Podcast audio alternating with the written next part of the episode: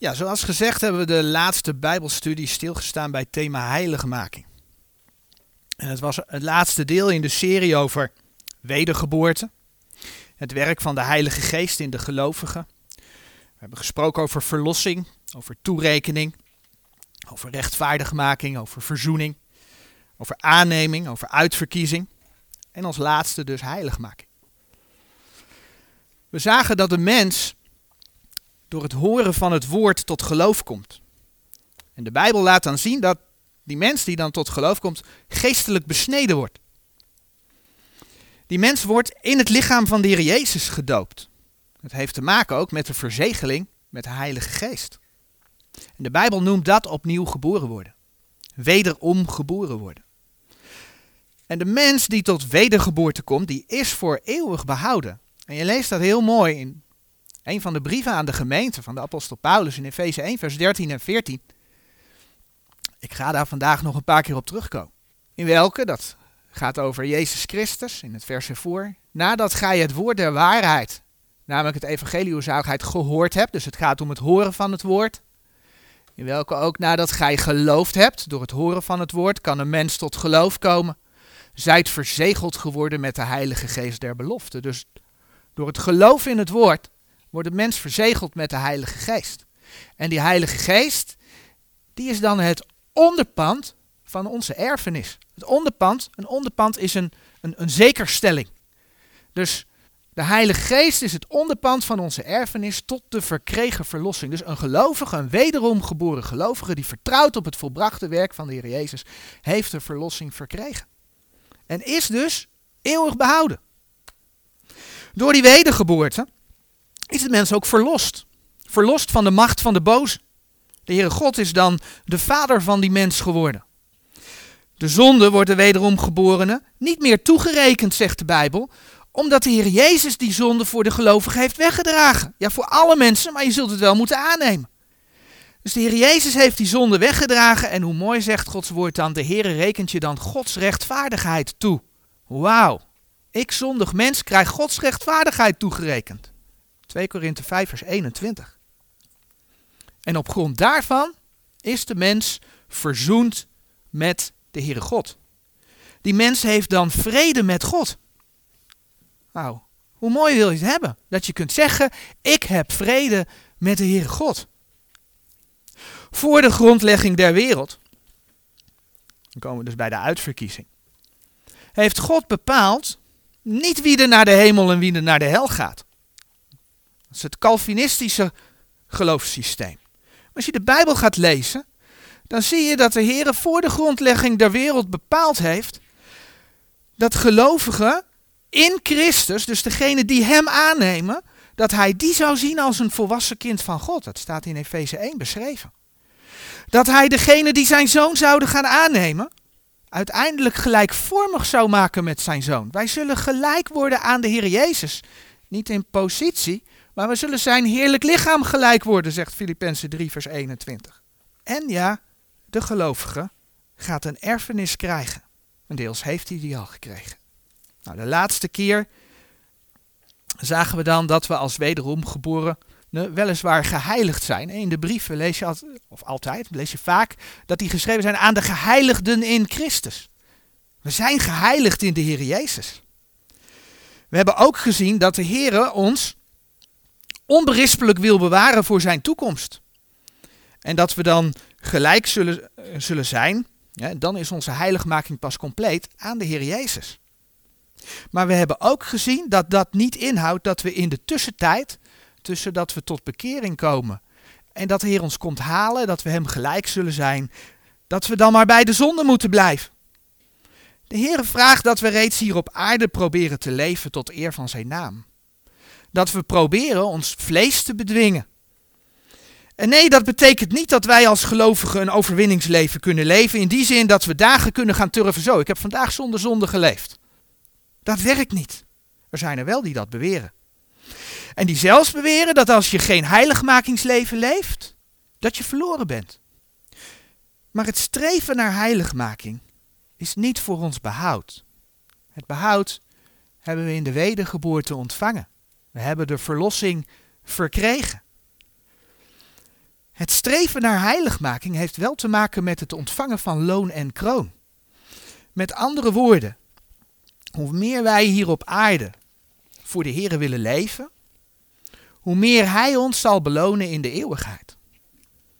Laat je niet verleiden om te geloven dat je hier op aarde een bepaald niveau van heiligheid kunt bereiken. Want Romeinen 7 laat heel duidelijk zien dat zodra je het goede wilt doen, dat het kwade je bijligt. Kortom, het leven tot eer van de Here is een leven in continue strijd tegen de zonde, tegen onze oude mens. En dat geldt dus juist voor de gelovigen. Het onderwerp heiligmaking was de afsluiting van de serie, heb ik net gezegd. Waarom dan nog zo'n uitgebreide herhaling? Nou, dat komt dus omdat ik dit onderwerp vandaag als voorbeeld wil gebruiken. Maar dan binnen het thema, wat maakt mij een bijbelgelovige? Een hele tijd terug heb ik contact gehad met iemand die geregeld vragen stelde naar aanleiding van de Bijbelstudies. Deze persoon vond de studies fijn omdat ze van schriftplaats naar schriftplaats gaan en zo duidelijk maken wat de Bijbel zegt. De persoon kwam met vragen, ik kon antwoord geven. En toen kwam ook de vraag: hoe komt het dan dat zoveel sites anders zijn? Je hoort zoveel andere geluiden. Zo kwam ter sprake dat de Heer zijn woord bewaard heeft in de Reformatiebijbel. Voor Nederland is dat de Statenbijbel. En dat we als Bijbelgelovigen Gods woord zichzelf laten verklaren. We gaan van schrift naar schrift. We kijken wat God over een bepaald onderwerp zegt. We proberen de schrift recht te verdelen. Dat is ook een Bijbelse opdracht in 2 Timotheus 2, vers 15. God spreekt over heidenen in zijn woord. God spreekt over Israël. God spreekt over de gemeente.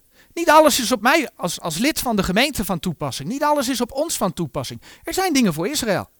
Maar zo zijn er ook dingen voor ons. Daar moeten we onderscheid in maken. Zo kon ik aangeven dat dat een enorm verschil maakt met, ja, met andere uitleggers. En hoe komt dat dan? Omdat algemeen verbreid is onder, en daar komt hij, niet alleen onder protestanten, maar ook onder rooms-katholieken, ook onder baptisten, onder evangelische, noem maar een richting op, dat het eigenlijk niet uitmaakt welke bijbelvertaling je gebruikt. Sterker nog, de, de, kennis van de grondtekst zou toegenomen zijn, wanneer, waardoor de nieuwe versies beter zouden zijn. En daarmee is de mens compleet gevallen, hè, voorgegaan door hun leiders, ja. Compleet gevallen voor de schriftkritiek. De duivel begon er in Genesis 3 al mee. Is het dat God gezegd heeft? Vraagtekens stellen bij Gods woord. En dan hebben we een hele mooie uitvinding. We noemen dat de grondtekst. En iedere prediker leest een Bijbelvers. Maar die gaat dan zogenaamd naar de grondtekst. En die vult hem precies zo in zoals hij hem zelf hebben wil. Er is geen autoriteit meer. Men is compleet gevallen voor die schriftkritiek. En zelfs broeders in kringen die men bijbelgetrouw noemt, durven vaak niet stellig dingen te zeggen. Want het zou ook anders kunnen zijn. Dat heeft die schriftkritiek bewerkt. En de Bijbel spreekt als teken van de tijd in 2 Thessalonicense 2 over de afval van het geloof. En die afval van het geloof die heeft zijn wortels in die schriftkritiek. En zoals die gezegd is die vandaag de dag wijd verbreid. Wil je Gods woord wel bewaren, dan kom je dus geregeld tot een verschillende uitleg, omdat je een andere basis hebt. Een verschillende uitleg ten opzichte van hedendaagse verkondigers. Nou, de persoon die ik uh, noemde, die vond dat geweldig om te ontdekken. Maar bij elke nieuwe vraag die opkwam, ging deze persoon het internet op om een antwoord te zoeken. En wanneer het vermeende antwoord gevonden was, kreeg ik daar een verhandeling over. Dit klopt, hè? Ja, dan ging ik het lezen en heb ik toch regelmatig door schrift met schrift te vergelijken opmerkingen daarbij gemaakt. En dat leidde dan tot frustratie. En dan kwam die vraag opnieuw. Hoe komt het nou dat die verschillen er zijn? En opnieuw kon ik uitleggen dat God zijn woord bewaard heeft. Dat de moderne christen, maakt eigenlijk niet uit uit welke richting hij of zij komt, gevoed wordt door de schriftkritiek die afleidt van Gods woord. En dat rondje heeft zich dan een tijd herhaald. En ja, de verwarring bleef groot en werd, niet, werd zo niet nog groter. Ja, en ik wilde natuurlijk niet zeggen, stop dan met zoeken op internet. Ja, een mens is vrij om te zoeken. Maar op een gegeven moment moet een mens misschien ook tot de conclusie komen, of de conclusie trekken, en dat geldt in ieder geval voor Nederland, dat er niet veel bijbelgelovende bronnen zijn. Overigens, ze zijn er wel. En op de site, en dat staat er ook al veel langer, is er een, moeilijk te lezen denk ik, een onderdeeltje links. En er zijn op internet best wel bijbelgelovige bronnen te vinden met diverse studies. Dus ze zijn er wel. Maar als je er dan toch voor kiest om elders en dan vooral in niet-bijbelgelovige bronnen te gaan zoeken, ja, dan moet je de verwarring voor lief nemen. Want dan zul je op die verschillen blijven stuiten. Al hoeft dat niet nodig te zijn. De Heer die waarschuwt namelijk in zijn woord. En dat vinden we in Efeze 4, vers 13 en 14. En de tekst die staat hier op de dia. In Efeze 4, vers 13 en 14, daar lezen we: Totdat wij alle zullen komen tot de enigheid des geloofs en der kennis van de Zonen Gods, tot een volkomen man, tot de mate van de grootte der volheid van Christus. Opdat wij niet meer kinderen zouden zijn die als de vloed bewogen en omgevoerd worden met alle wind der leer, door de bedriegerij der mensen, door arglistigheid, om listiglijk tot dwaling te brengen. Door de schriftkritiek waar we het over hadden, en ik noem de schriftkritiek, maar als ik even iets terug ga. Als je de NBV Studiebijbel leest, dan lees je letterlijk dat het Nederlands Bijbelgenootschap niet gelooft dat Jezus Christus de Zoon van God is. En je leest letterlijk dat het Nederlands Bijbelgenootschap niet gelooft in de opstanding van Christus. Het zijn wel degenen die dus al die nieuwe vertalingen op de markt brengen. Vandaar de schriftkritiek. Hoe mooi hier in Efeze 4, vers 13 en 14 verwoord. Is natuurlijk niet specifiek voor de schriftkritiek, maar dat past daar wel heel mooi op. De bedriegerij der mensen. Om door arglistigheid listiglijk tot dwaling te brengen. Hoor je steeds weer nieuwe dingen over die Bijbel. En ja, zo zijn er vele stromingen ontstaan. Allemaal regeltjes naast de Bijbel. En als de Bijbel niet paste, dan passen we de Bijbel aan aan ons systeem. En dus veel leren. Waardoor je als de vloed op en neer geslingerd wordt. Maar door zijn woord wil de Heer je leren om standvastig te worden. Er zijn nog wel andere teksten voor aan te wijzen. Dat we, opgeroepen worden om standvastig te zijn. Dus kom je erachter dat de Heer zijn woord bewaard heeft. Zoek je antwoord dan in bijbelgelovige bron. Of beter, ga zelf Gods woord lezen. Want daar is Gods boodschap aan de mens in te vinden. Zo werden er onlangs vraagtekens geplaatst bij de Bijbelstudie, twee, drie Bijbelstudies geleden, met het onderwerp de aanneming tot kinderen. Tot kinderen Gods. Een studie waarin ik overigens Gods woord citeerde. Ja, dat klinkt heel hard, maar het is wel Gods woord. Psalm 11. Dat de Heere zegt dat hij de zondaar haat. Ga maar Psalm 11 opzoeken, het staat er. In die studie heb ik echter uitgewerkt dat de Heer zegt dat hij de wereld lief gehad heeft. En juist dat woordje gehad, dat was wat mensen pijn deed. Maar weet je, ook dat waren niet mijn woorden. Dat is wat er letterlijk geschreven staat in Johannes 3, vers 16. Want al zo lief heeft God de wereld gehad, dat hij zijn enige geboren zoon gegeven heeft, opdat een iegelijk die in hem gelooft niet verderven, maar het eeuwige leven hebben. Het staat gewoon in Gods woord. En juist in die studie heb ik uitgewerkt dat de Heer uit liefde voor zijn schepselen zijn zoon heeft gegeven. Maar wel zoals Gods woord zegt, dat het eenmaal gebeurd is. En niet zoals in de Rooms-Katholieke Kerk elke zondag vieren, opnieuw de Eucharistie, dat het brood en de wijn in het letterlijke bloed van Jezus Christus veranderen. Dat is onzin. Zijn offer is eenmaal geweest. Al zo lief heeft God de wereld gehad dat hij dat gedaan heeft. En de mens hoort er nu op gewezen te worden dat er buiten Jezus Christus geen rechtvaardiging is.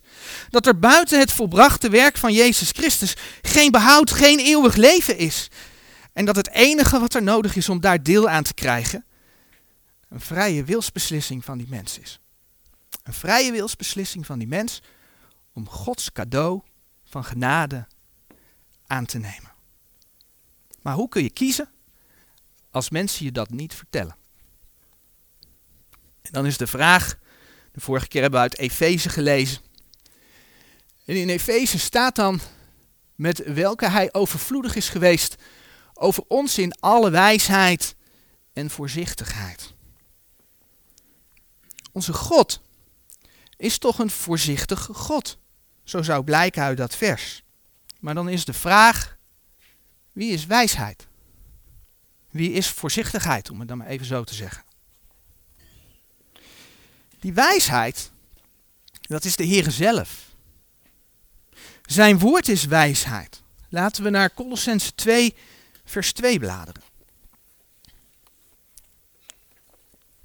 Colossense 2.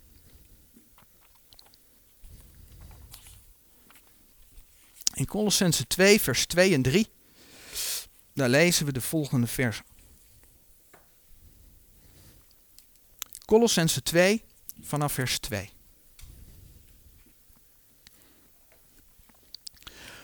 Opdat hun harten vertroost mogen worden.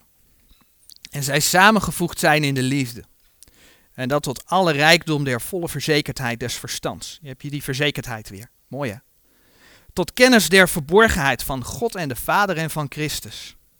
In de welke al de schatten der wijsheid en der kennis verborgen zijn. Dus in de Heer Jezus zijn alle schatten der wijsheid verborgen. Wauw. Dan gaan we naar spreuken toe. In Spreuken 8 lezen we namelijk dat de Heer Jezus de wijsheid is. Spreuken hoofdstuk 8. En dan lezen we in Spreuken hoofdstuk 8, het eerste vers. Roept de wijsheid niet en verheft niet de verstandigheid haar stem. En Spreuken 8, vers 8 gaat dan als volgt verder. Oh. Al de redenen mijns monds zijn in gerechtigheid. Er is niets verdraaids, noch verkeerds in. De enige voor wie dat kan gelden is God zelf. Is de Heer Jezus. En dan spreekt, uh, zegt Spreuken 8, vers 35. Want die mij vindt, vindt het leven. En trekt een welgevallen van de Heer. Want die mij vindt, vindt het leven. Het gaat over de Heer Jezus. Maar het is de Heer die in zijn wijsheid, in zijn woord spreekt, in Johannes 3, vers 16, over lief gehad. Dat heeft hij in zijn wijsheid geschreven. En die in zijn wijsheid, in zijn woord zegt, Johannes 3, vers 36, dat op alle die in de zoon niet geloven, de toren Gods blijft. Johannes 3, vers 36. Dat zijn niet mijn woorden, zoek het maar op. Het is die Heere die in zijn wijsheid door Paulus, en die tekst gaan we opzoeken, in 2 Thessalonicense 2, vers 7 het volgende zegt.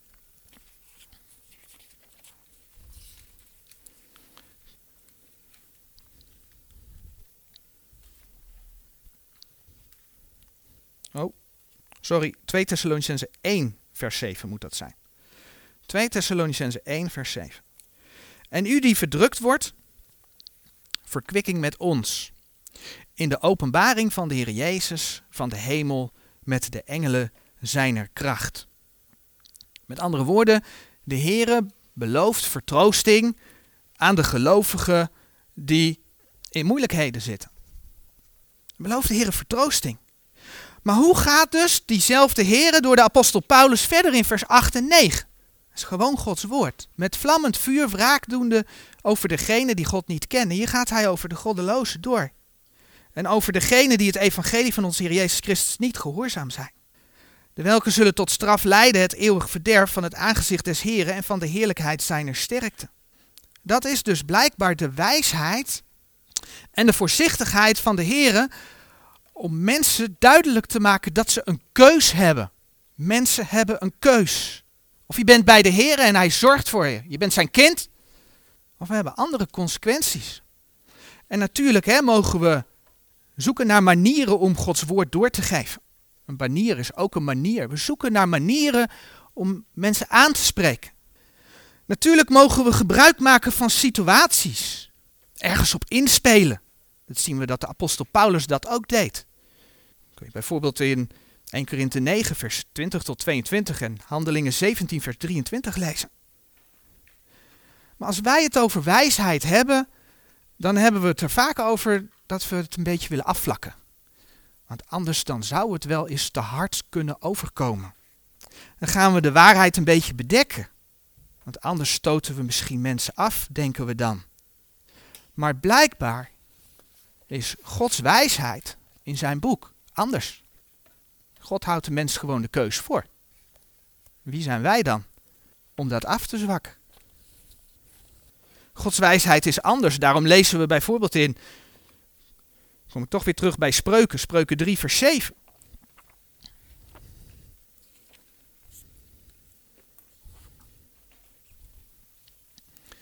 Spreuken 3, vers 7.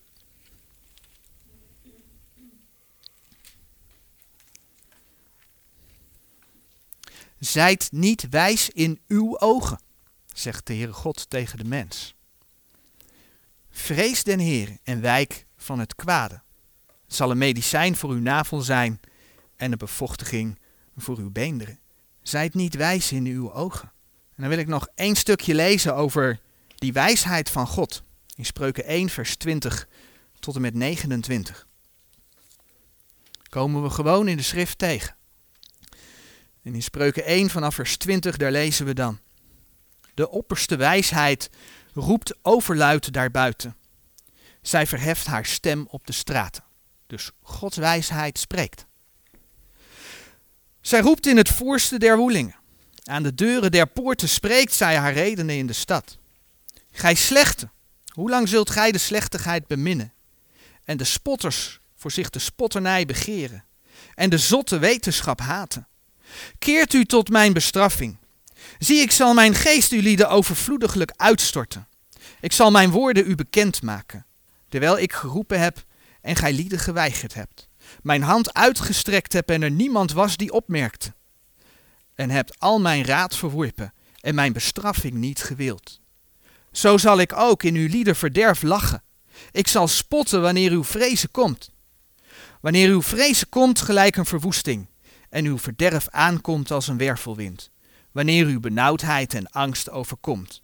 Dan zullen zij tot mij roepen, maar ik zal niet antwoorden. Zij zullen mij vroeg zoeken, maar zullen mij niet vinden. Daarom dat zij de wetenschap gehaat hebben en de vrezen des Heren niet hebben verkoren. Is de Heere, ondanks dat hij zichzelf wijsheid en voorzichtigheid noemt, niet duidelijk? En weet je, deze tijd wat hier beschreven wordt, die komt eraan, hè? Want er is vrije genade. We mogen tot de Heere gaan. Maar er komt een tijd dat hij mensen niet meer aanneemt, maar afwijst. Alleen in dit leven hebben mensen de tijd om een bewuste keus te maken voor de Heer. En daarom moeten zij zijn tucht aannemen. Dat is wat we net gelezen hebben. En die mooie tekst van Spreuken 8, vers 35, die ik net gelezen heb, die staat ook in een context. Spreuken 8, vers 35 was die tekst waar staat, want die mij vindt, vindt het leven en trekt een welgevallen van de Heer. Als je de context leest, een paar versen erbij, vanaf vers 32, dan lezen we het volgende. Nu dan, kinderen, hoort naar mij, want wel gelukzalig zijn zij die mijn wegen, mijn wegen bewaren. Hoort de tucht en wordt wijs en verwerpt die niet, wel gelukzalig is de mens die naar mij hoort, dagelijks wakende aan mijn poorten, waarnemende de posten mijner deuren. Want die mij vindt, vindt het leven en trekt een welgevallen van de Heere. Maar die tegen mij zondigt, doet zijn ziel geweld aan. Alle die mij haten, hebben de dood lief. En is dit het Oude Testament? Ja, dit is het Oude Testament. Daar komt het uit. Maar deze woorden passen ook binnen de boodschap aan de gemeente. Binnen het evangelie der genade Gods. Maar wanneer iemand dan valt over dat woordje gehad in Johannes 3 vers 16. Dan vallen ze niet over mijn woorden. Dan vallen ze over Gods woorden. En dan kunnen het nog zo lieve broeders en zusters zijn. Maar dat is wel de ernst van de situatie. Moet ik dan op de straat maar gaan roepen, God heeft u lief? Nee, want dat klopt niet met Gods woord. God ziet de zonde, God, God kan de zonde niet zien. En die zondaar die zondigt, dat, dat wil hij niet. Wat hij wel wil, is dat die zondaar zich bekeert. Dus ik kan wel roepen, God heeft de wereld lief gehad, Johannes 3, vers 16. En zijn zoon gegeven voor ons zondige mensen. Ook voor mij. Ook ik ben zo'n zondaar. In 1 Petrus 4, vers 11, daar staat onder andere, indien iemand spreekt, die spreken als de woorden Gods. Indien iemand spreekt, die spreken als de woorden Gods. En dan kan ik niet anders dan met Paulus het volgende zeggen. En dat staat in 1 Thessalonicense 2, vers 4 en 5. Maar gelijk wij van God beproefd zijn geweest, dat ons het evangelie zou toebetrouwd worden, alzo spreken wij niet als mensenbehagende, maar goden, die onze harten beproeft. Want wij hebben nooit met pluimstrijkende woorden omgegaan, gelijk gij weet, nog met enig bedeksel van gierigheid. God is getuige. Wij moeten niet mensen naar de mond gaan praten. Ik moet niet mensen behagen, ik moet God behagen. En het gaat om de verkondiging van zijn woord. Maar die boodschap, ja, daar ben ik het helemaal mee eens, die klinkt dan soms wel anders dan wat wij gewend zijn in onze christelijke kringen. Mag ik het zeggen, in onze doorsnee christelijke kring gewend zijn te horen. En ja, dat kan kloppen. En soms klinkt het niet alleen anders, en dat gaan we zo meteen zien. Soms is die boodschap ook gewoon anders dan men gewend is te horen. Een van de dingen wat ook in christelijke kring is doorgedrongen, is het positieve denken. God is liefde, wil men wel horen. Maar God is ook rechtvaardig. Psalm 11, vers 7. Dan kun je dat onder andere lezen. Nu staan de dagen van Noach bekend als een teken van de tijd. Het zal in de laatste dagen zijn, dat staat onder andere in Matthäus 24, vers 7, als de dagen van Noach. Maar weet je hoe Noach in Gods woord genoemd wordt? En dan bladeren we naar 2 Petrus. Hoe Noach in Gods woord genoemd wordt.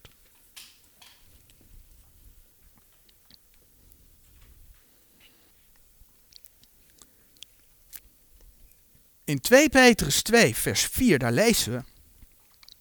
Want indien God de engelen die gezondigd hebben niet gespaard heeft, maar die in de hel geworpen hebben, de overgegeven heeft aan de ketenen der duisternis, om tot het oordeel bewaard te worden, en de oude wereld niet heeft gespaard, maar Noach, den prediker der gerechtigheid, zijn achtal bewaard heeft, als hij de zondvloed over de wereld der goddelozen heeft gebracht. Noach wordt den prediker der gerechtigheid genoemd. Blijkbaar heeft Noach in de laatste dagen, noem het even zijn laatste dagen, gepreekt. En wat preekte hij? Hij preekte blijkbaar over de gerechtigheid. En dan kom ik terug bij die psalm. Die we die toen een keer besproken hebben. We gaan hem er ook nu gewoon bij pakken. Psalm 11, vers 5 en 7.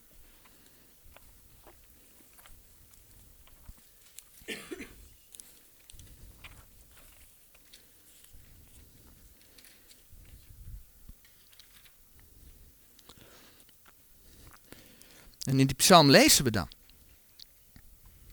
Vanaf vers 5. De Heere proefde den rechtvaardige, maar den goddeloze en die geweld lief heeft, haat zijn ziel. Het zijn niet mijn woorden, het staat gewoon in de schrift.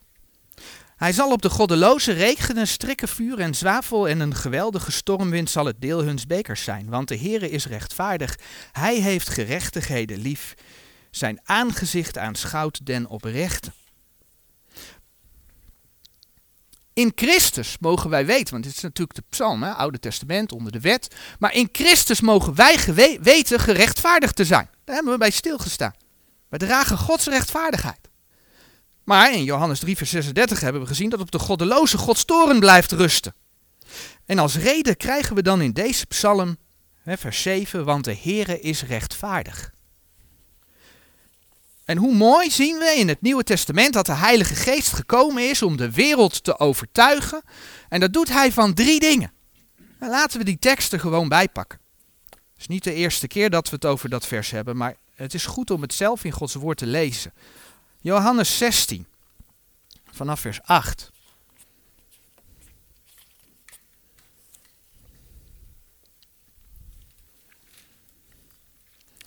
Gedeelte gaat over de trooster die de Heer Jezus zal zenden. En dan lezen we in vers 8 van Johannes 16, en die gekomen zijnde zal de wereld overtuigen van zonde en van gerechtigheid en van oordeel. Van zonde omdat zij in mij niet geloven. En van gerechtigheid omdat ik tot mijn vader heen ga en gij zult mij niet meer zien. En van oordeel omdat de overste deze wereld geoordeeld is. De Heere overtuigt van zonde, gerechtigheid en oordeel. En we zien die drie hier hand in hand samengaan. Dat is wat de Heilige Geest doet. Wat je ook veel hoort, is dat men zegt dat de boodschap wel in evenwicht moet zijn. Als het al gezegd wordt, want vaak is het heel erg eenzijdig. God is liefde, God is liefde. Allemaal psychologische praatjes.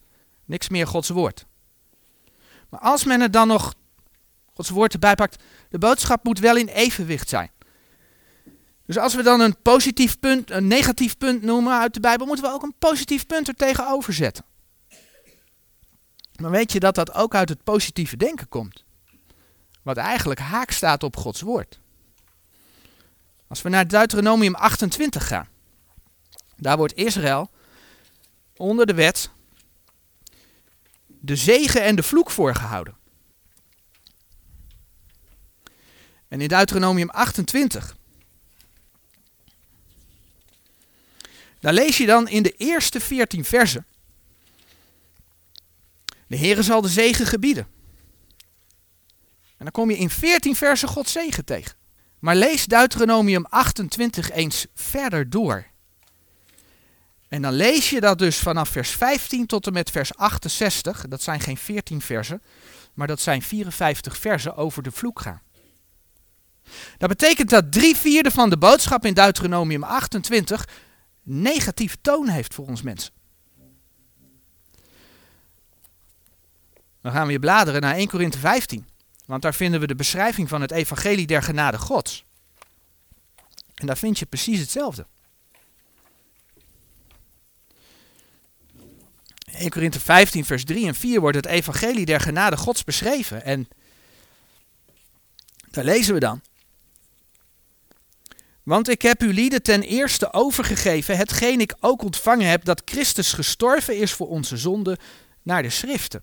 En dat hij is begraven en dat hij is opgestaan ten derde dagen naar de schriften. Nou, punt 1, we lezen. Ehm, dat Christus gestorven is, gestorven, dat iemand die sterft, dat is negatief. Naar de schriften, hij is begraven. Nou, we vinden het ook niet fijn als er iemand begraven is, dat heeft ook een negatief klank. En de zonde, die daar ook nog stonden, ja, dat wij zondig zijn, dat klinkt ook negatief. Er zijn drie negatieve dingen en er is één positief ding. En namelijk dat hij is opgewekt ten derde dag. In die boodschap zitten drie negatieve dingen en één positief punt. Dat de uitwerking positief is, omdat we de Heer hebben aangenomen. Alright, dat klopt. Maar als je de Bijbel regelmatig leest, dan weet je dat dit de waarheid is. Een Bijbels evenwicht bestaat uit een groter deel waarschuwingen dan directe zegeningen. Dat is nou eenmaal zo. Blijkbaar hebben wij mensen die waarschuwingen nodig. En ja, ook dat punt klinkt anders dan je meestal hoort verkondigen. Ook dat zul je vanaf de meeste preekgestoelten in Nederland of in de wereld zelfs niet horen. Maar het is wel Gods woord. Een ander voorbeeld waar we niet te lang bij stil gaan staan, omdat we die in het verleden uitvoerig besproken hebben, gaat over het kruis van de Heer Jezus. In diverse kringen wordt ervan uitgegaan dat wij als gelovigen van de gemeente terugkijken naar het kruis. En dat is onze redding. Nou, weet je, dat klopt. Het kruis ligt achter ons. Als wij naar het kruis kijken, natuurlijk niet zozeer kijken, maar de Heer Jezus op zijn volbrachte werk aannemen, dan zijn we gered. Maar wat daar vaak in één zin aan bijkomt, is dat men stelt dat de gelovigen van het Oude Testament vooruitkeken naar het kruis. Daarmee stellende dat alle mensen door alle tijden heen op dezelfde manier behouden worden. Dat kom je op diverse plekken tegen, dat mensen dat verkondigen. Maar dat streept weg dat God onder de wet van de mensen vroeg dat ze de werken der wet moesten doen. Dus er klopt iets niet in die verkondiging. Nou, en als we dan in de schrift op zoek gaan, dan vinden we dat zelfs de discipelen niet begrepen wat er met de Heer Jezus moest gebeuren. Je kunt dat vinden in Lucas 18, vers 31 tot 34, dat de Heer Jezus zijn lijden aankondigt. En dan staat erbij, ze begrepen het niet. Zelfs tot na de opstanding in Lucas 24, vers 11. Toen begrepen ze nog niet dat de Heer precies gedaan had wat hij aangekondigd had. Ze snapten er niks van. Dus hoe konden de mensen in het Oude Testament nou vooruitkijken naar het kruis, als ze er helemaal niets van begrepen? En als je dan in Efeze 3, vers 1 tot en met 6 gaat lezen, dan lees je dat wat de Heer Jezus gedaan heeft, dat dat een verborgenheid was. Dat was een verborgenheid. Ga het maar opzoeken. Efeze 3, vers 1 tot en met 6. Dus hoezo keek men in het Oude Testament vooruit naar het kruis? Sorry dat ik het zeg, maar dat is dus gewoon grote onzin. Kan helemaal niet. Want het was een verborgenheid. En zo zien we hoe het bewaren van Gods woord, hoe schrift met schrift vergelijken, leidt tot een andere boodschap dan men tegenwoordig veelal laat horen. En dan komt de grote vraag: hoe kan het nou dat over dit soort punten vaak in diverse kringen op eenzelfde wijze, soms een enkele variatie erin, maar toch wel eender gedacht wordt? Hoe komt het dat men over het algemeen overal op dezelfde manier met Gods woord omgaat? Dat komt omdat onze predikanten, de voorgangers, de evangelisten, de broeders, bijna allemaal een bijbelschool gevolgd hebben, waarin zij voorgeprogrammeerd zijn in de schriftkritiek. Zij hebben de schriftkritiek leren toepassen. En ik was zelf ook al in het verleden op die weg. Want ja, je koopt een online Bijbel bij de boekhandel. Dan krijg je Hebreeuws en, en, en Grieks in de lexicon erbij geleverd. En we gaan lekker de tekst aanpassen zoals die in mijn verkondiging wel past. Maar dat is de weg niet. Want God heeft zijn woord bewaard. Maar doordat men voorgeprogrammeerd is, zie je dezelfde patronen overal terugkomen. En wat ze daar ook niet leren is dat de Bijbel zelf studiemethode geeft. We moeten schrift met schrift vergelijken en Gods woord recht verdelen. Dat is taboe, tenminste ondergewaardeerd aan de andere manieren om met Gods woord om te gaan. Nou, de laatste Bijbelstudie hadden we het dus over heiligmaking. En we zagen dus dat we als gelovigen door de wedergeboorte verzekerd mogen zijn. Maar ook dat de Heer wel heiligmaking van ons vraagt in ons dagelijks leven. Oftewel, leven we niet alleen naar de geest, hè? zijn we niet alleen wederom geboren, maar wandelen we ook naar de geest. En in die wandelen kunnen we dan loon en kroon verdienen. Dat is een extra beloning. Dat is niet het behoud, want dat heeft iedere wederomgeborene gewoon gekregen. En toch zagen we dat er dan heiligmakingspredikers zijn die veelal wel het behoud aan de heiligmaking koppelen. We zagen een voorbeeld uit het boek van Andrew Murray. We zagen hoe men dan vaak komt tot onbijbelse uitspraken. Andrew Murray had het over voor de gelovigen van vandaag de dag over een tijdelijke werking van de Heilige Geest. En dat de enige vastheid in het geloof het jagen naar de heiliging zou zijn. Maar daarmee verwordt het behoud dus, tot iets wat ik kan verdienen. Als dat mijn enige vastheid is, dan gaat dat ontstaan, dan gaat het behoud ja, mijn werken worden. In plaats dat de werken volgen op het behoud, zoals Gods woord laat zien. Efeze 2, vers 8 tot en met 10. Want uit genade zijt gij zalig geworden door het geloof, en dat niet uit u, het is Gods gave. Niet uit de werken, opdat niemand roemen. En vervolgens, als iemand tot geloof is gekomen, want wij zijn zijn maaksel geschapen in Christus Jezus, tot goede werken, welke God voorbereid heeft, opdat wij in dezelfde zouden wandelen. Dus na geloof gaan wij wandelen in de werken die God voor ons voorbereid heeft. Heiligmaking heeft met die wandel te maken. Maar die predikers hebben natuurlijk wel bijbelteksten waarmee zij hun betogen onderbouwen. En een tekst die ik de vorige bijbelstudie bewust niet heb aangehaald, en die gaan we opzoeken, is Hebreeën 12 vers 14. En die gaat ook over heiligmaking. Ik heb hem niet aangehaald. Vandaag wordt duidelijk waarom niet. Hebreeën 12 vers 14 zegt namelijk,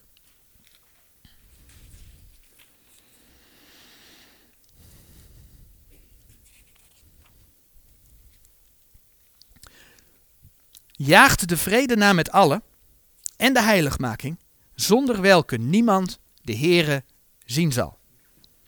Andere teksten die door deze predikers vaak gebruikt worden, zijn bijvoorbeeld Hebreeën 10 vers 29 of Hebreeën 10 vers 26 en 27. En laat ik dan vers 26 en 27 even voorlezen. We hebben net gehoord wat God tegen de gemeente zegt. Hè? Hou daaraan vast. Maar dit staat ook geschreven. Want zo wij willens zondigen nadat wij de kennis der waarheid ontvangen hebben, zo blijft er geen slachtoffer meer over voor de zonde. Maar een schrikkelijke verwachting des oordeels en hitte des vuurs dat de tegenstanders zal verslinden. En dan vers 29. Hoeveel te zwaarder straf meent gij, zal hij waardig geacht worden, die de zonen gods vertreden heeft en het bloed des testaments onrein geacht heeft, waardoor hij geheiligd was en de geest der genade smaadheid heeft aangedaan. Nou, hoe worden deze versen dan vaak uitgelegd? Ik heb een uh, oude middernachtsgroep gevonden. En daar staat over Hebreeën 12, vers 14 het volgende. Wel, heiligmaking is een stap verder dan vergeving van zonde. De vergeving van zonde bewerkstelligt het nee. Ik citeer dus hè, uit dat blad. Bewerkstelligt het nee tegen de zonde, maar de heiliging is ons ja tegen Jezus Christus. Tot zover het citaat. Dus wedergeboorte zou je zeggen is toch ons ja tegen Jezus Christus? Dan heb ik hem aangenomen. Maar nee, heiligmaking is ons ja tegen Jezus Christus. Die stelling wordt als volgt uitgewerkt en dat lijkt heel aannemelijk. Er wordt verder gezegd, als ik één ben met hem, kan ik toch niet onheilig leven, want hij is heilig. Dat klinkt zo aannemelijk. Maar weet je, het is zo onbijbels als maar kan. Ja, onze nieuwe natuur is heilig. Daarom zijn wij in Christus geheiligd. Maar onze oude natuur, ons vlees, levert een continue strijd. Daar hebben we de vorige keer bij stilgestaan. Het leidt ertoe dat wij niet doen hetgeen wij willen. Dus het kan juist heel goed zijn dat wij onheilige dingen doen. En de vraag is dan, beleiden we het dan? Proberen we het dan na te leven en ons vlees te bedwingen? Maar het is geen garantie dat wij dan nooit meer zondigen. We zagen al dat met het vorige voorbeeld dat deze predikers vaak het behoud aan de heiligmaking verbinden. En dat zien we in de middernachtsgroep ook gebeuren. De schrijver van het stuk uit de middernachtsgroep heeft ook in een ander blad geschreven en ik citeer daar een stukje uit. Het heeft de Heere alles gekost, zijn eigen bloed, om u te kunnen heiligen. Hebreeën 13 vers 2, daarom heeft ook Jezus ten einde zijn volk door zijn eigen bloed te heiligen buiten de poort geleden. Wie dus zegt in het bloed van Jezus te geloven, maar leeft niet in de heiliging, die maakt zich schuldig aan dit kostbare bloed, dat er juist is voor onze heiliging. Hij acht het bloed des verbonds onrein, waardoor hij geheiligd is, zoals Hebreeën 10 vers 29 zegt. Anders gezegd, het geloof aan Jezus Christus en zijn bloed en een God geheiligd leven zijn niet te scheiden. Een stukje verderop in hetzelfde blad, de Heilige Geest vermaant tot heiliging meer dan ooit te voeren, omdat er geschreven staat de heiliging zonder welke niemand de Heere zal zien. En nog weer een stukje verder. De Heer zondert zijn geheiligde af. Hij is reeds bezig om ze te verzamelen, die waarachtig tot de bruidsgemeente behoren en opgenomen worden. En bij deze heilig, heiligingscrisis ga je eronder door of je overleeft hem. Tot zover het citaat. In plaats dat de heiligmaking een strijd is om de Heer te dienen en daardoor in de eeuwigheid naast ons behoud ook beloond te worden, zoals Gods woord zegt, is de heiliging dus verworden tot de strijd om behouden te worden. Ja, je, laatste woorden uit het citaat, je gaat er onderdoor of je overleeft. Is dat niet triest? Nou, dat wordt Gods kinderen wel voorgehouden. Ja? Ik vind het triest. Je ziet dus dat er een, een select gezelschap gekweekt wordt die de bruidsgemeente is, want alleen zij die heilig zijn, die worden opgenomen. Ja, hallo? Efeze 4 vers 30, ik ben verzegeld tot de dag der verlossing. Hé, hey, dat staat uh, tegen de gemeente geschreven. Andrew Murray, waar ik het de vorige keer over had, die zegt over Hebreeën 12 vers 4 het volgende. Nog weer een kort citaat. Christen die weet dat God in Christus tot u spreekt, hoor zijn stem. Jaag de heiliging na, zonder welke niemand God zal zien. God eenmaal te zien, welke een heerlijkheid. God nimmer te mogen zien, hoe vreselijk. Zonder heiligmaking zal niemand God zien. Hoe hij zich ook tevreden stelt met de gedachte aan Gods genade. Laat dit voor u de waarde van het leven zijn, dat u hier geheiligd kunt worden met de heiligheid bekleed tegen de dag dat Christus u, de Vader, zal laten zien. Tot zover het citaat. Hoe is dit in tegenspraak met de boodschap aan de gemeente? Waartegen de Heer dus in zijn woord zegt dat we door het horen van het woord tot geloof komen, verzegeld zijn. Dat de Heilige Geest de onderpand is van onze verlossing. De verlossing is dus een bezit van de gelovigen. En dat heiligmaking, het wandelen in de goede werken die de Heer voor ons voorbereid heeft, waar we inderdaad toe opgeroepen worden, want dat is nou eenmaal zo, daar dus een vervolg in is, omdat het behoud niet uit de werken is, maar de werken komen daarna. Als je in Christus bent, dan ga je wandelen in de werken die Hij voor jou voorbereid heeft. En stel nou dat ik niet in de goede werken wandel. Ja, die tekst gaan we even opzoeken. 1 Korinthe 3, hou de hand maar bij Hebreeën, want daar komen we zo terug. 1 Korinthe 3.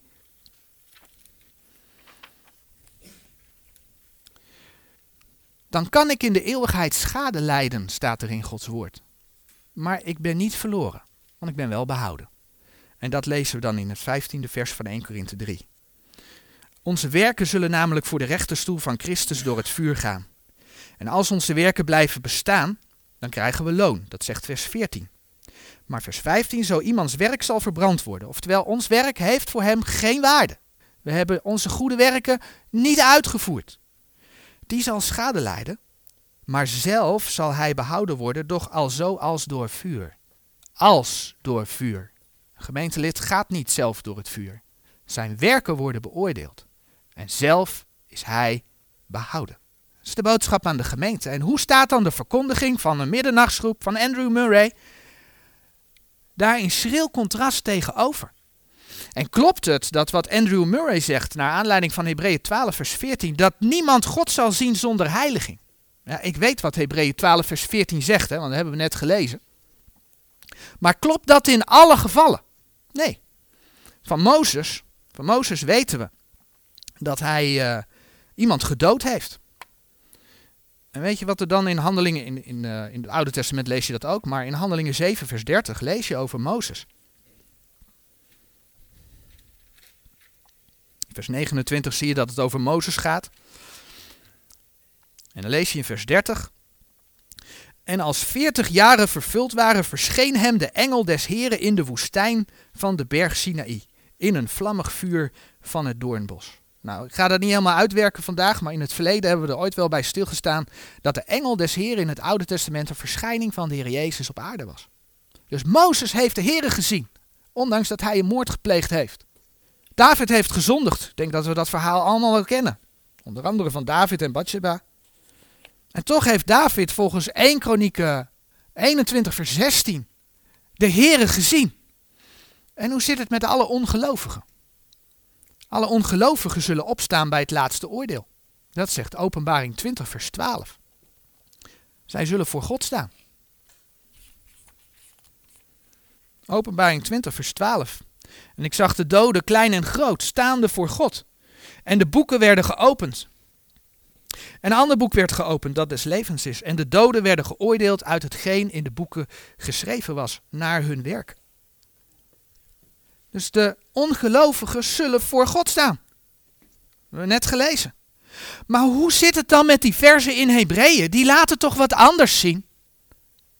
John Gill, heeft ook een commentaar geschreven. En die zegt bij Hebreeën 10, vers 26 het volgende. Trouwens, deze woorden zijn slechts hypothetisch en bewijzen niet dat de ware gelovigen dusdanig kunnen zondigen, zondigen of kunnen zondigen. Tot zover het citaat. John Gill die gelooft wel in dat er zekerheid is voor de gelovigen. En toch moet hij dan onderscheid maken tussen ware gelovigen en andere gelovigen. Om daar iets zinnigs over te kunnen zeggen. Hij past dus eigenlijk Gods woord aan. Want volgens de Bijbel ben je of wederom geboren of niet. Je hebt de Heer Jezus aangenomen of niet. En natuurlijk heb je mensen die naamchristen zijn die niet wederom geboren zijn. Misschien dat ze naar de kerk gaan. Maar ja, het hoort erbij. Zo ben ik opgevoed. Ik heb me als kind laten dopen. Of misschien wel als volwassene. Ja, waarom? Dat doen de andere kerkleden ook. Maar heb jij persoonlijk voor de Heer Jezus gekozen? Dan pas ben je wederom geboren. Niet omdat je naar een kerk gaat. Dus de Bijbel kent dat onderscheid helemaal niet. Maar let op, John Gill gaat verder. Hij zegt dat die versen hypothetisch zijn. Hypothetisch betekent dat het maar een stelling is. Een denkbeeld. Het zou dus niet waar zijn. Alleen maar een stel dat. Dat is één manier waarop ermee omgegaan wordt. Men leest het, maar eigenlijk zegt men direct al, dit kan niet waar zijn. De andere manier is die van uh, Andrew Murray. En de middernachtsroep.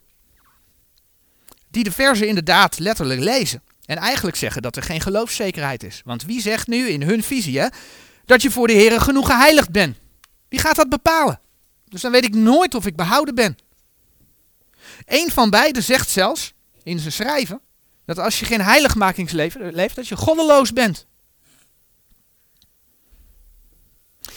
Zij ontkennen dus deels de woorden van God aan de gemeente geschreven.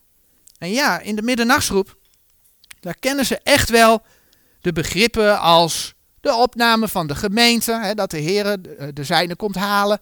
Ze kennen echt wel het, eh, de, de gemeentetijd, ze kennen de grote verdrukking, ze kennen het duizendjarig vrederijk. Die begrippen kennen ze. Maar dit kennen is niet het recht verdelen van Gods woord. Echt niet.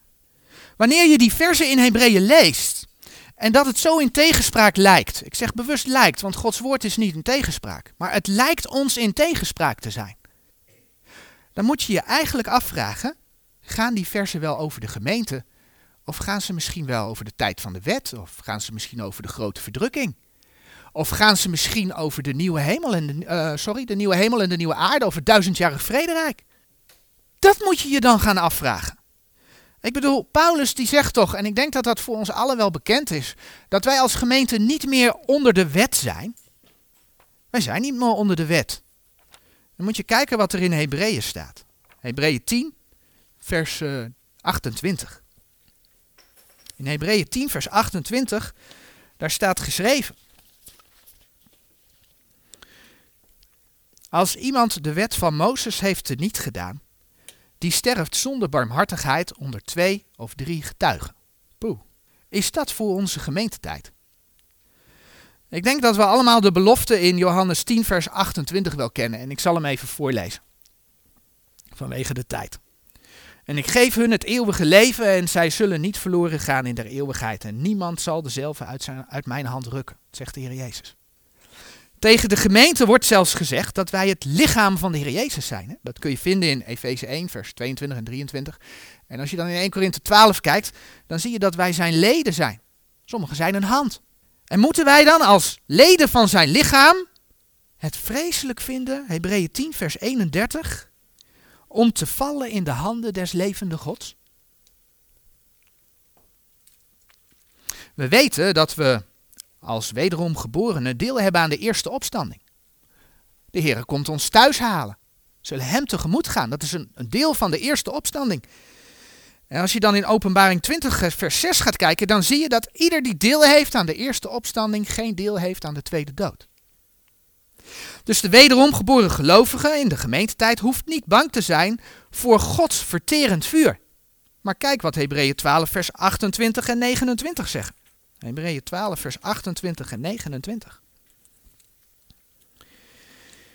Daarom, alzo wij een onbewegelijk koninkrijk ontvangen, laat ons de genade vasthouden, door de welke wij wel behagelijk God mogen dienen, met eerbied en godvruchtigheid. Want onze God is een verterend vuur. Daar hoeven we als gemeente dus helemaal niet bang voor te zijn. Weet je, Hebreeën 12, vers 26 geeft een heenwijs. In Hebreeën 12, vers 26, daar lezen we wiens stem toen de aarde bewoog. Maar nu heeft hij verkondigd, zeggende, nog eenmaal zal ik bewegen, niet alleen de aarde, maar ook de hemel. Enig idee waar dat over gaat? Dat de Heer de aarde en de hemel gaat bewegen. Dat gaat over de grote verdrukking. In openbaring. Openbaring 4 tot, tot, tot, tot en met 18. Daar lees je over de grote verdrukking, daar lees je over grote aardbevingen. Daar lees je dat de, de, de hemellichamen bewogen worden, dat de sterren op de aarde zullen vallen. Bijvoorbeeld openbaring 6, vers 12 en 13. Kun je het ook vinden. De grote verdrukking is de tijd van Jacobs benauwdheid. Jeremia 30, vers 7. Maar het is ook de tijd dat het overblijfsel van Israël haar heren gaat ontmoeten. En hoe dat in zijn werk gaat, kom je niet alleen in openbaring tegen, maar bijvoorbeeld ook in de psalmen. Psalm 50. Psalm 50, vers 2 en 3.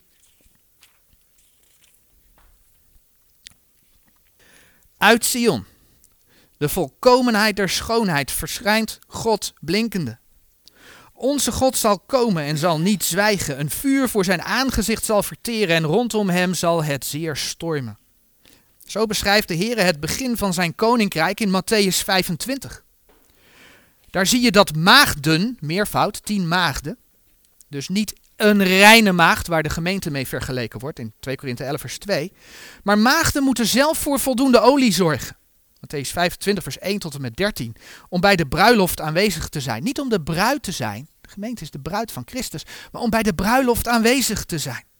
Hebben zij niet voldoende olie, dan lees je in dat gedeelte dat de Heer hen niet kent. Ook lees je daar in Matthäus 25 over de talenten. Als iemand iets niet met die talenten gedaan heeft, dan wordt hij volgens Matthäus 25 vers 30 in de buitenste duisternis geworpen. Daar zal wening zijn en knersing der tanden. Waarom bespreekt de Heer dat in het kader van zijn terugkomst? Als de gemeente al lang opgenomen is. Dat heeft ermee te maken dat de gelovigen die in de grote verdrukking zullen leven, want er zal een grote schare tot geloof komen in die periode. Dat Israël, Gods volk, in de grote verdrukking zal moeten volharden tot het einde. Dat is iets wat, ik ga hier nu heel snel doorheen, dat, dat besef ik heel goed. Maar vanwege de tijd kan het niet anders. Ze zullen moeten volharden tot het einde. Dat lees je in Matthäus 24, vers 13 en 14. En ja, als men in de grote verdrukking dan toch voor dat merkteken van het beest kiest, de gemeente is dan weg, en men kiest dan voor, de, voor, de, voor het merkteken, dan lees je in Openbaring 14 dat er dan maar één ding is wat hen, wat hen uh, gaat overkomen. En dan lees je in Openbaring 14, vers 9, en een derde engel is hen gevolgd, zeggende met een grote stem, indien iemand het beest aanbidt, indien iemand de antichrist aanbidt en zijn beeld, en ontvangt het merkteken aan zijn voorhoofd of aan zijn hand. En dat zal heel wat wezen. Openbaring 13 spreekt erover, als mensen dat merkteken niet nemen, kunnen ze niet kopen of verkopen. Dus iemand die in de grote verdrukking de Heer Jezus wil volgen, die kan niet meer kopen of verkopen. Naast alle andere rampen die er over aarde zullen gaan dan. Hè? Dan lees je dus. Ehm, en ontvangt het merkteken aan zijn voorhoofd of aan zijn hand. Die zal ook drinken uit de wijn van de toren Gods, die ongemengd ingeschonken is in de drinkbeker zijn torens. En zal gepijnigd worden met vuur en zilver voor de heilige engelen en voor het lam. En de rook van hun pijniging gaat op in alle eeuwigheid en zij hebben geen rust dag en nacht die het beest aanbidden en zijn beeld, en zo iemand het merkteken zijns naams ontvangt. Hier is de leidzaamheid der heiligen. Hier zijn zij die de geboden Gods bewaren en het geloof van Jezus. Als je dus in Hebreeën 10, 12 vers 26 leest over Wiens stem toen de aarde bewoog, maar nu heeft hij verkondigd, zeggende: Nog eenmaal zal ik bewegen, niet alleen de aarde, maar ook de hemel. Dan weten we dat hier in Hebreeën over de grote verdrukking gesproken wordt. En nog een heenwijs is Hebreeën 10, vers 30. In Hebreeën 10, vers 30, daar lezen we over. Hebreeën 10, vers 30. Want wij kennen hem die gezegd heeft: Mijne is de wraken. Ik zal het vergelden, spreekt de Heer. En wederom, de Heere zal zijn volk oordelen. In dat vers, daar lezen we iets wat een citaat is uit Deuteronomium 32, vers 35. En Deuteronomium 32, vers 35, in de context daarvan, daar hebben we te maken met het lied van Mozes. Dat lees je in Deuteronomium 31, vers 30. Er is dus sprake van het lied van Mozes. En in het lied van Mozes, daar lees je in vers 35, Deuteronomium 32, vers 35. Mijne is de wrake en de vergelding ten tijde als hun lieder voet zal wankelen, want de dag huns ondergangs is nabij en de dingen die hun zullen gebeuren haasten. Hier zie je dus dat Hebreeën 10 vers 30 een citaat is van Deuteronomium 32 vers 35. Vervolgens zegt vers 41 van Deuteronomium 32, Indien ik mijn glinsterend zwaard wette en mijn hand ten gerichte grijpt, zo zal ik de wraak op mijn tegenpartijders doen wederkeren en mijn haters vergelden. En vers 43 zegt nog: Juicht gij heidenen met zijn volk. Want hij zal het bloed zijner knechten wreken. En hij zal de wraak op zijn tegenpartijders doen wederkeren. En verzoenen zijn land en zijn volk. Dit gaat dus heel duidelijk over de periode van Jacobs benauwdheid. En over Israëls herstel, want dat zal ook gaan plaatsvinden. En wanneer wordt dit lied opnieuw gezongen? Wanneer wordt het lied van Mozes opnieuw gezongen? Het lied van Mozes, openbaring 15, vers 3, wordt gezongen tijdens de grote verdrukking. Dus Hebreeën 10, vers 30 is uit het lied van Mozes. En dat lied van Mozes wordt in de grote verdrukking opnieuw gezongen. Openbaring 15, vers 3.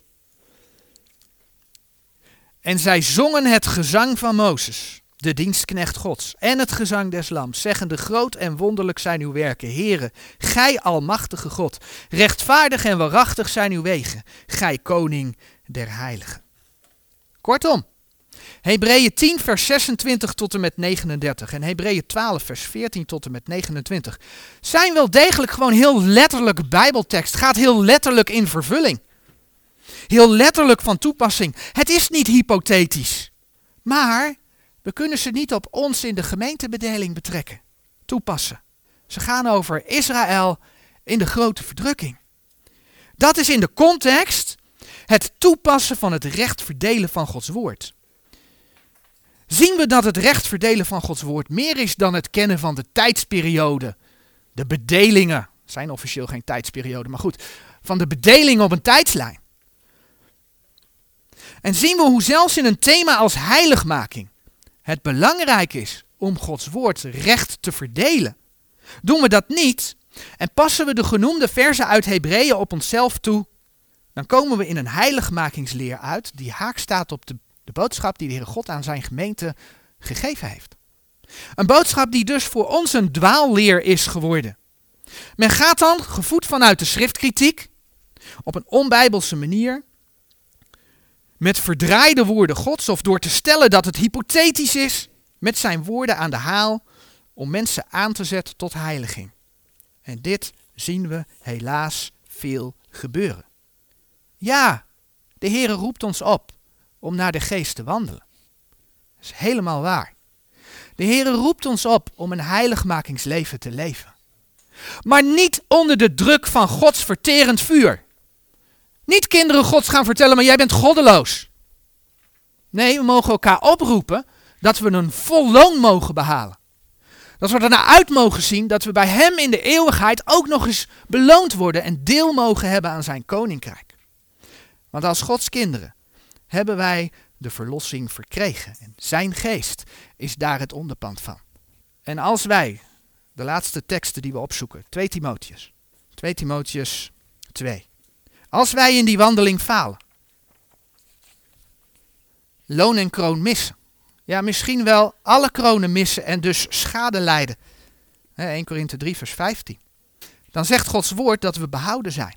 Weet je waarom? Omdat de Heere getrouw is. In 2 Timotheus 2 vers 11 tot en met 13 daar lezen we. Dit is een getrouw woord. Want indien wij met hem gestorven zijn, zo zullen wij ook met hem leven. Ja? Als we wederom geboren zijn, dan leven we met hem. Indien wij verdragen, dat heeft met de heiligmaking te maken, met de levenswandel. Indien wij verdragen, wij zullen ook met hem heersen. Dan krijgen we loon en kroon, dan zullen we deel hebben aan zijn koninkrijk. Indien wij hem verloochenen, hij zal ons ook verloochenen. Als wij hier niks voor hem doen. Als wij gewoon de werken van ons vlees leven. Ons vlees niet bedwingen. Dan zullen we schade lijden. Hij zal ons verloochenen. Maar we raken ons behoud niet kwijt, zegt 1 Korinthe 3 vers 15. Want zegt 2 Timotheus 2 vers 13, indien wij ontrouw zijn. Hij blijft getrouw. Hij kan zichzelf niet verloochenen. Je bent een kind van God of je bent het niet. En als je een kind van God bent, dan mag je zeker zijn van je geloof, van je behoud. En zo zien we hoe Gods woord van A tot Z klopt. En dat is, om terug te komen op de grote vraag die er de hele tijd boven staat, wat mij een bijbelgelovige maakt. Buigen voor het gezag van het bewaarde woord van God voor Nederland is dat de Statenbijbel. En daarin schrift met schrift vergelijken en zijn woord recht verdelen. Weet je, ik kan niet anders. Ik mag geen mensen behagen, maar ik behoor de Here te behagen. Dat hebben we gelezen in 2 Thessalonicense. En ja, de consequentie kan zijn dat je naar de mens gesproken een beetje alleen komt te staan. Maar wat dan nog? Je mag weten dat God je vrede heeft gegeven. Dat je vrede hebt met God. Je mag weten, op grond van Gods woord, dat ze jou de zekerheid in het geloof niet kunnen afnemen. Wat ze ook doen. Ik ben een kind van Hem. Ik mag mijn heren tegemoet gaan. Kunnen ze niet afpakken. En je mag weten dat de Heer zijn woord bewaard heeft. En te midden van deze wereld die afglijdt naar die grote verdrukking, te midden van de afval van geloof. Mensen, wat geweldig om te weten dat dit woord vast is. Gewoon uitkomt. 100% waarheid is. Het is gewoon geweldig. En mijn gebed is dat een ieder die vastheid in Gods woord ook mag leren kennen. Tot zover voor vandaag. Amen.